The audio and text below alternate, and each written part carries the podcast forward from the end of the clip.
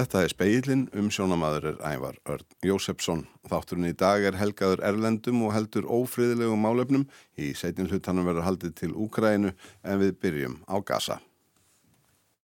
Nokkur vestræn stórveldi og nokkur smæri ríki þar á meðal Ísland hafa ákveðið að frista framlögsín til UNRWA flóttamannahjálpar saminuðu þjóðana til Palestínu um óákveðin tíma vegna ásakana Ísraelsku leinithjónustunnar um að 12 af um það byrj 30.000 starfsmönnum stopnunarinnar hafi veitt hriðverkarsveitum tengdum Hamas reyfingunni einhverja óskilgreinda aðstóð við undirbúning árásvar þeirra á Ísrael 7. oktober.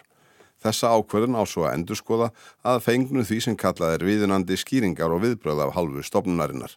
Ljóst er að ef þessi vestrænu stórveldi með Bandaríkinu og Þískalandi í fylkingabrjósti telja skýringar og viðbröð umra ófullnægjandi og láta af stuðningi sínum við stopnunina þá verður miljónum palestínumanna endanlega allar bjargir bannaðar.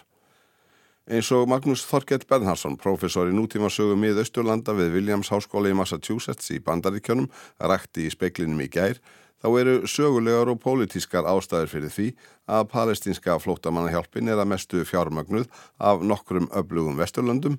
Það gildir líka um ástæðu þess að hinn vel auðugu oljuríki við Persaflóan skuli ekki einfallega taka við kepplinu undir þeim aðstæðum sem nú eru uppi.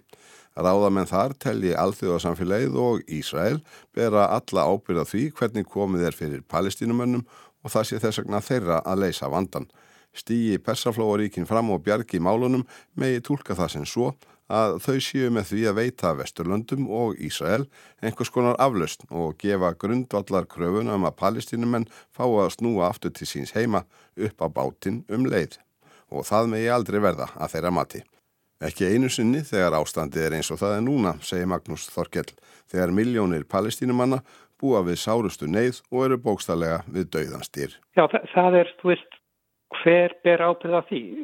Marki lítið svátt að Ísraelar eiga, eiga að gangast fyrir ábyrða því þeir eru að leysa þessi mál, þeir ber ábyrða á, á, þessu svæði, þeir hérna, hafa verið að stunda þennan herrakstur og farlendi eiga þeir þá, eiga þeir þá líka taka þátt í, í, í að leysa og, og, og enda endi á þetta og, og koma að uppbyggingu og þess að þar. En það getur vel verið á næstu vikum, sérstaklega ef, ef, ef niðurst að vera við svo að, að UNRWA getur ekki sett sínu starfi sem, sem skildi og það verður sko bara hungursneið og, og enn frekari sko hörmungar ástanda á Gaza þá verður þetta bara enn verið staða hvort að þá almenningu þá kipi við sér og, og reyna að fara að gera eitthvað í, í, í þessa málum. Það hefur verið gegnum tíðn og að vera að sapna meðal almennings fyrir hinn á þessum álstæði í Palestínu og mikið af spítulum og skólum sem, sem hafi verið byggðir á, á í Vesturbakkunum og í, á Gaza það sem almenningur í Pessológikunum hafa styrt með beinum með öðrum hætti og þess vegna geta hugsan að komi meira þann inn en, en ég held að þeir eru frekar að líta á heildalöst frekar en að þeir sé sjálfur að leysa þessum ál sjálfur. En hvað um önnur Araparíki og öllu nær Palestínu? Jú, hundruð þúsunda palestinskra flóttamanna eru í Líbanon, Sýrlandi og Jordaniu ímist í flóttamannabúðum eða einfallega í borgum og bæjum eins og hverannar í búi, ekki síst í Jordaniu. Og svo er það Egiptaland, eina landið sem á landamæri við helsta átakasvæðið, Gaza, sem lítur yfir aðum Hamas. Þau landamæri eru nánast lokuð og að tekja fólks og vöruflutningar afar takmarkaðir. Líka núna þegar ástandið á Gaza er eins og það er. Þetta skýrist meðal annars af bandalagi Hamas og múslimska bræðralagsins sem Sisi Egiptalandsfossetti og stjórn hans flokka sem hreyðiverkasamtök og óvinni Egipska ríkisins. En fleira kemur til, segir Magnús. Egiptaland er fátætt ríki og, og á því mestu basli við að halda upp bara vennilegu starfsem í sín eigilandi hvað var þar bara lámars þjónustu fyrir sína borgara og þar alveg endi að, að, að hugsa til þess að hleypa inn miljón flottamenn inn í sitt land og, og, og þá sem verður þá ykkur eftir eftirspurningu til vatni og öðrum svona infrastruktúr í, í, þessu landi. Það sem það er bara fyrir þá svona efnarslega að sé að bara það er ekki hægt og maður getur bara ímda sér þú veist samverjuleg þjóð í Evrópu, hún, hvernig myndir hún upplifa það að allt ína væri næstu 2 miljón mannsa og landamennum baka um að koma inn. Það, það, það er ekki marga þjóður sem fyrir áða við fann fjölda. Þannig að það er svo svona efnagslega svona spurning hvað, hvernig ef við gera það ef, ef, ef, ef við myndum taka um út af þessu fólki og síðan líka hitt er að þeir líta svo á að ef við hleypum öll þessu flottum menn hingað inn til okkar þá erum við búin að svona innan gæðslappa leysa þetta mál fyrir Ísraela þá er þessu palestinumenn komnir burt og þá geta Ísraelsmenn bara að fara að huga sér og þá er Ísraelsmenn búin að leysa palestinu vandamáli í Gaza og við viljum ekki vera Við viljum ekki að það að lausnin sé svo að palestinumenn flytja hingað. Palestinumenn eiga að fara aftur heim til sín. Það sem þeir eiga heima, það, það er sem þeir eru. Þeir eru ekki bara búið ykkur flottamanni búðum hér í sínaskanum. Það mun bara búið til nýtt vandamál og þá munu palestinumenn þar gera ára sér á Ísrael og þá mun Ísrael ráðast inn í Egiptaland. Þannig að Egiptar vilja ekki fá þetta inn, inn, inn, inn á sitt borð. Þó svo við séu sálfræðilega og, og hugmyndafræðilega og, og mörgum öðrum þáttum eru mjög ná, tengdir palestinmennum og það er mjög mikil samúð með palestinmennum en þetta er líka stór, mikið stort vandamál fyrir Sisi að þetta er herrstjórn og hluti af, af svona lögmætti hans er að þeir eru haldið upp í öryggi Egipta og, og hann er sterkur og ákveðin aðilið sem er lætið til skara skrýða og, og er sterkur leittói en þetta er svona ákveð svona veikleikamerki hjá honum, hann sé ekki verið að gera neitt í þessari stöðu. Þannig að það er núna koma innlands í Egyptalandi heilmikil pressa á stjórnvald að gera eitthvað í, í, þess, í þessu máli og, og það er orrómur þess efnis að einsir aðlar á Vesturlöndum og annars þar hafa verið að tala um það að, að, að all, alla þjóðaskuldir Egypta er við sko borgaðar af, af öðrum aðlum þið tæki að sér allir þessu flottamenn en Egipti er held ég svona hinn almenni Egipti myndi ekki sætta sig, sig við það. Meira en helmingur allra bygginga á Gaza er mikið skemdur eða alveg ónýtur eftir loft og landherna Ísraels síðustu mánuði og innviðir eru meira á minna í rúst. Hörgull er á öllum brínustu lífsnöðsynum, 20.000 almennra borgara liggja í valnum, þar af um 10.000 börn og neyð almenningsfer enn vaksandi og áráseitnar halda áfram, úr lofti og á jörðu niðri. Magnús Þorkell er ekki í bjart sitna á frið eða vopnallið í bráð, en það hafi Ísraelar ekki náð yfirlýstum höfuð markmiðum sínum með hernaðinum að frelsa alla gísla og uppræta Hamas. Og ef samir um vopnallið þá er ekki ólíklegt að, að innan skamst þá mun átök blása upp á nýðu, en séð ofriðar elda, elda eisa víða og Það er mikil spenna bæði í Jordani, Írak, Sýrlandi, Jemen, Írak og, og Íran og eins og við vorum að tala um áðan í Egiptalandi. Þannig að vatnaflýðir í Palestínu núna sem er algjörlega nöðsynlegt kemur ekki endilega eitt sér sko, slag á spennina og þar lendi er svo nöðsynlegt að þetta þarf að algjörlega hilstæða laust og, og allserja laust þar sem algjörlega samfélagi tekur þessu málu alvarlegu tökum og, og komið veg fyrir það að þessi ófriðar elda geysist enn frekar út. Sæði Magnús Þorkell Bernhardsson.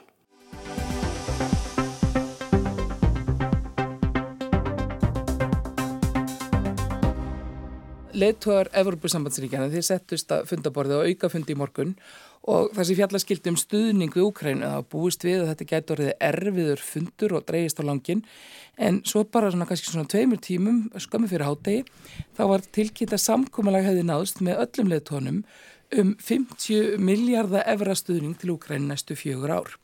Og var kannski ekki síst afstafa Viktors Urbans, eh, fórsættstæraður ungverðland sem kom á óvart Björn Malmqvist, hann hefur fylst með fundahöldunum í Brussel og menn byrju náttúrulega strax að veltaði fyrir sér. Orban sem hafiði verið svona ansnúin þessu bara síðast kannski í desember, segir núna já, leta hann bara undan. Já, það má eiginlega bara segja það að, að, að Orban hafi séð í hvað stemdi, hann, hann sá að ekki lengra, að það var ekki lengra komist í, í þessu andofi sem hann hefur vissulega staðið í undan farin mánuð alveg síðan á letuafendunum sem var hérna í Brussel um miðjan desember þar sem að hann í rauninni upp á eigin spýtur stöðvaði afgriðslu á þessum risastóra fjárhúspakka síðan þá hafa vissulega staðið yfir sko mjög stífar samningaverðar milli fastanendana hér í Brussel og, og ég menna ungverðir hafa það fréttist nú af svona einhverjum tillögum sem að þeir lögðu fram uh, snemma í janúar um að, um að það væri kannski best að endur skoða þetta á fjóra á eh, sko þennan pakka á ásfresti eh, menn tókunum ekki rosalega vel í það en það líka hefðu það þýtt að Orban hefðu það tækifæri til að beita netunumvaldi árlega á þennan pakka. Og þetta er ju gert til þess að skapa svona stöðuleika hjá úkrænumönnum að því að þessi fjárastugningur sem er að hluta til lán og hluta til styrkir upp á, upp á ég menn þetta er ekki smá peningar upp á 50 miljardar efra þetta, þetta, þetta snýst um að sko úkrænumenn geti í rauninni fjármagnað og ofinverða stafsemi uh, stjórnmálda í, Úkrænum meðan að þeir náttúrulega vissulega standa í, í, í baráttu gegn, gegn rúsum. Í samkominlegin í morgun er tekið til þess að hverja ári verði farið yfir það af hálfu ESB hvernig fjönu er varð. Að því að sko Orban hefur náttúrulega bent á það marg oft og reyndar margir aðrir líka að það er ennþá talsverð spilling í Úkrænu.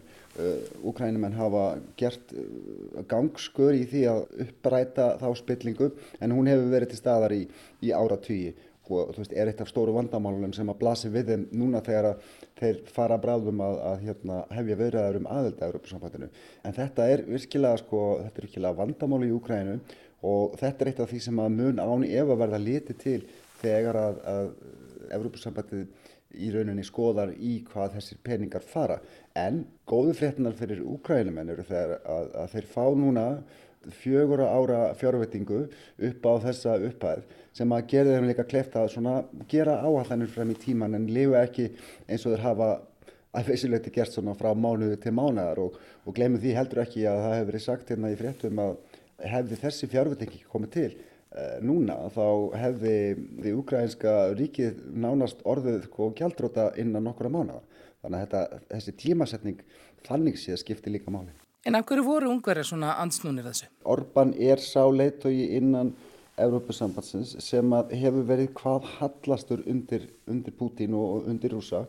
Það kemur til, til dæmis af því að, að þeir eiga ennþá talsverða hagsmunna að geta hvað varðar orkukaup af, af Rúsum og uh, Orban e, hefur líka sögu um það að nota mála þessu tægi þar sem að hann hefur virkilegt vogarafl þar sem að hann getur einn í rauninni staðið á móti eins og hann gerði í, í desember.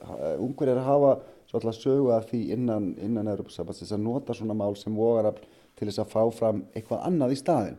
Dæmi sem að menn hafa tekið erimitt frá síðasta mánuði, það sem að hann stóði í vegi fyrir því að lengi vel að, að hérna, Ukrænumenn að þeim er bóðið því aðeldavirðað við ESB þángar til að uh, eh, frangværtastjórnin ákvaða að losa um hvað var það, einhverjir miljardar evra sem að voru frostnir í sjóði sem að ungurar áttu að fá í, í kjölfar sko COVID, svona endur uppbyggingarsjóður í kjölfar COVID sem að, að aðelda þjóðunar hafa verið að fá frá, frá, frá Brussel eh, hefur verið frist út af deilum sem að hafa reynda staðið í mörg mörg ár um sko réttarfarið í Ungverjalandi sem er ekki í samræmi við viðmið semst Európa-sambansins út af stöðu fjölmiðla, út af lögum sem að þykja að vera sko, fjandsamleg eh, hinsegin fólki. Út af alls konar svona ástæðum hefur frangatastjóðin haldið tilbaka sjóðum sem að ungverjar hefðu með réttu átt að fá en hafa ekki fengið. Eh, hluti af þessu var losað um í, í desember einmitt til þess að svona að því að talið er liðka fyrir, fyrir samþykki eða allavega hjásetu Orbáns þegar komaði að bjóða Úkrænu í aðaldiverðar. Inn á leðtófundin barst ómur af mótmælum bænda sem kveiktu elda og kostuð eggjum. Þar mættu þúsundir bænda hingað í Brussel voru búin að gýra sig upp í að koma hingað í tengslum við leðtófundin. Þeir voru aðalega kringum Plass Luxemburg, Luxemburgar uh, torkið þar sem að bygging Evrópaþingsins stendur. Þeir rifu niður stittu á torkinu og það kom til einhverja átaka millir lauruglumanna og, og bænda uh, og þeir fylgtu hérna fjölfarnar umferðargötur. Þetta hafði reyndar þær afleðingar að þessi læti herðust í óeiginlegum skilningi inn á leðtúafundinu og það endaði með því að, að nokkrir af leðtúum Európa-sambandsins þar á meðal Macron, fósitt í Fraklands og uh, von der Leyen, uh, fósitt í Frankartastöðunarinnar, þau settust neður með fulltrúum bænda hérna í byggingu við hliðina á leðtúafsbyggingunni og sátu þar núna í eftirmiddagin og voru að ræða kröfur bænda óanægi bænda með sín kjör en, en kannski sérstaklega líka um sko, óanægi bænda með alls konar reglugerðir sem að Európa-sambandi hefur verið að setja á undanfærsna misserum og snúast að miklu leiti um umhverfisvend og svo tekist þetta líka eins Úkrænu því að hluti af óanægi bænda er með sko, landbúnaðarafurðir frá Úkrænu sem að hafa verið fluttar inn til landa Európa-sambandsins eh, þessu var hlift af stað toll frjálsu og óheftu eftir innrás rúsa til þess að skapa einhverja tekið fyrir úkrænumenn. Þetta fór vel af stað en, en síðan þá hafa bændur og kannski aðalegi í austurhluta Evrópu verið að lýsa óanægisinni með verð á þeirra afverðum hefur lækkað eðlilega þegar svona mikið af, af landbúnaðarafverðum hefur komið frá, frá Úkrænu. Sæði Björn Malmqvist í Brussel, Anna Kristín Jónsdóttir talaði við hann.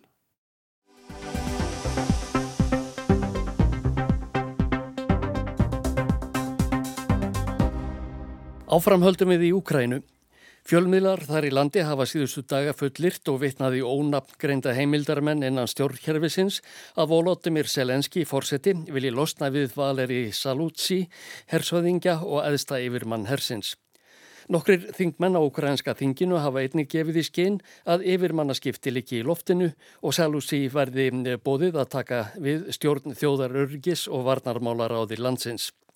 Stopnin eins og hefur það hlutverk að þróa og samræma stefnu um þjóðaröryggi innanlands og utan og vera fórsetta landsins til ráðgjafar.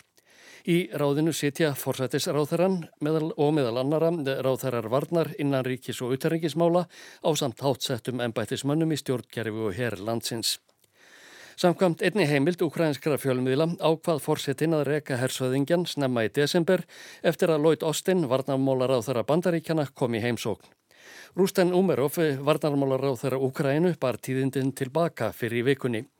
Orðurómurinn væri uppspunni frá rótum. Þótt svo væri ekki, hefur Umerov ekki vald til að reka Salústi í hersöðingja.